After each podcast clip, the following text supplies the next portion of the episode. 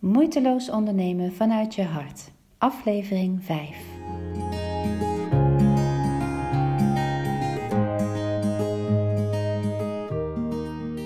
Ik ben Marloes Halmans en ik geloof dat je hier bent om met jouw talent het verschil te maken.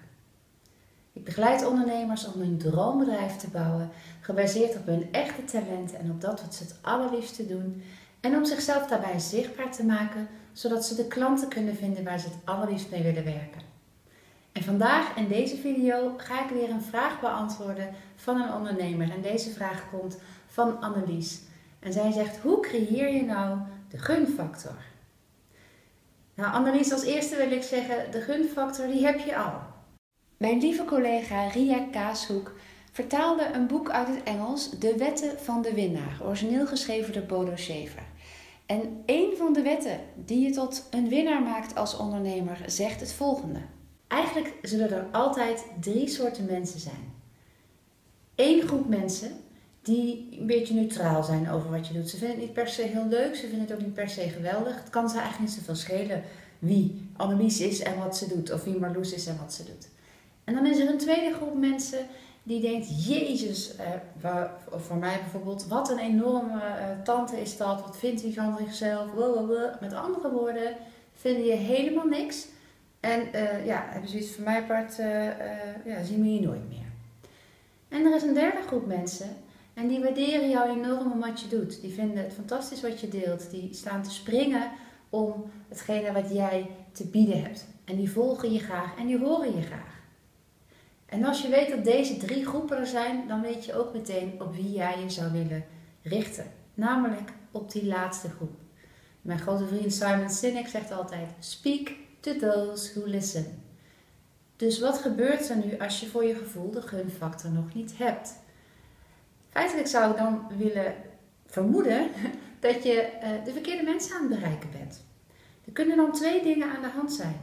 Als je nu het gevoel hebt dat jou de opdrachten nog niet gegund of gegeven worden, dan kan het of liggen aan het feit dat je tegen de verkeerde mensen praat.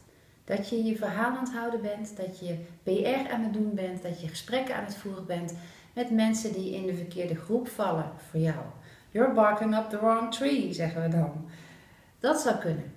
Want als jij heel erg vanuit intentie werkt, vanuit jezelf, en je laat voldoende van jezelf zien, je deelt waar je in gelooft. Je kunt glashelder maken wat je te bieden hebt en wat de waarde daarvan is voor je klanten. En je doet dat structureel op de juiste manier, dan gaan de klanten bij jou je aanbod kopen. Dus als dat niet gebeurt, dan ben je of met de verkeerde klanten in gesprek. Dat zijn niet jouw ideale klanten. En dan mag je eigenlijk bedenken dat je er gewoon niks mee hoeft. Of aan de andere kant kan het zijn dat je aanbod dus niet helder genoeg is. Dat je niet helder genoeg hebt kunnen maken voor jouw klanten wat de waarde is van jouw product. En dat jij leuk genoeg, pardon, leuk genoeg bent dat ze met jou zouden willen werken. Want we moeten je eerst leuk genoeg vinden voordat we met je willen werken. Dus de klassieke no like trust buy. We moeten je eerst kennen, we moeten weten dat je er bent. En dan moeten we je leuk genoeg gaan vinden om überhaupt iets van je te willen kopen. En vervolgens moeten we je ook gaan vertrouwen. Moeten we het vertrouwen hebben dat jij de juiste expert bent, dat je weet waar je het over hebt. En pas als dat allemaal in orde is, dan gaan ze bij je kopen. Dus ga na wat er in jouw geval beter kan. Um, ben je tegen de verkeerde mensen aan het praten? Stop ermee. Zoek jouw ideale klanten op. Waar kan je ze vinden? En zorg dat je aanbod super, super helder is geformuleerd vanuit de behoeften van de klant en ook vanuit de positie en de gevoelens en de gedachten van jouw ideale klant.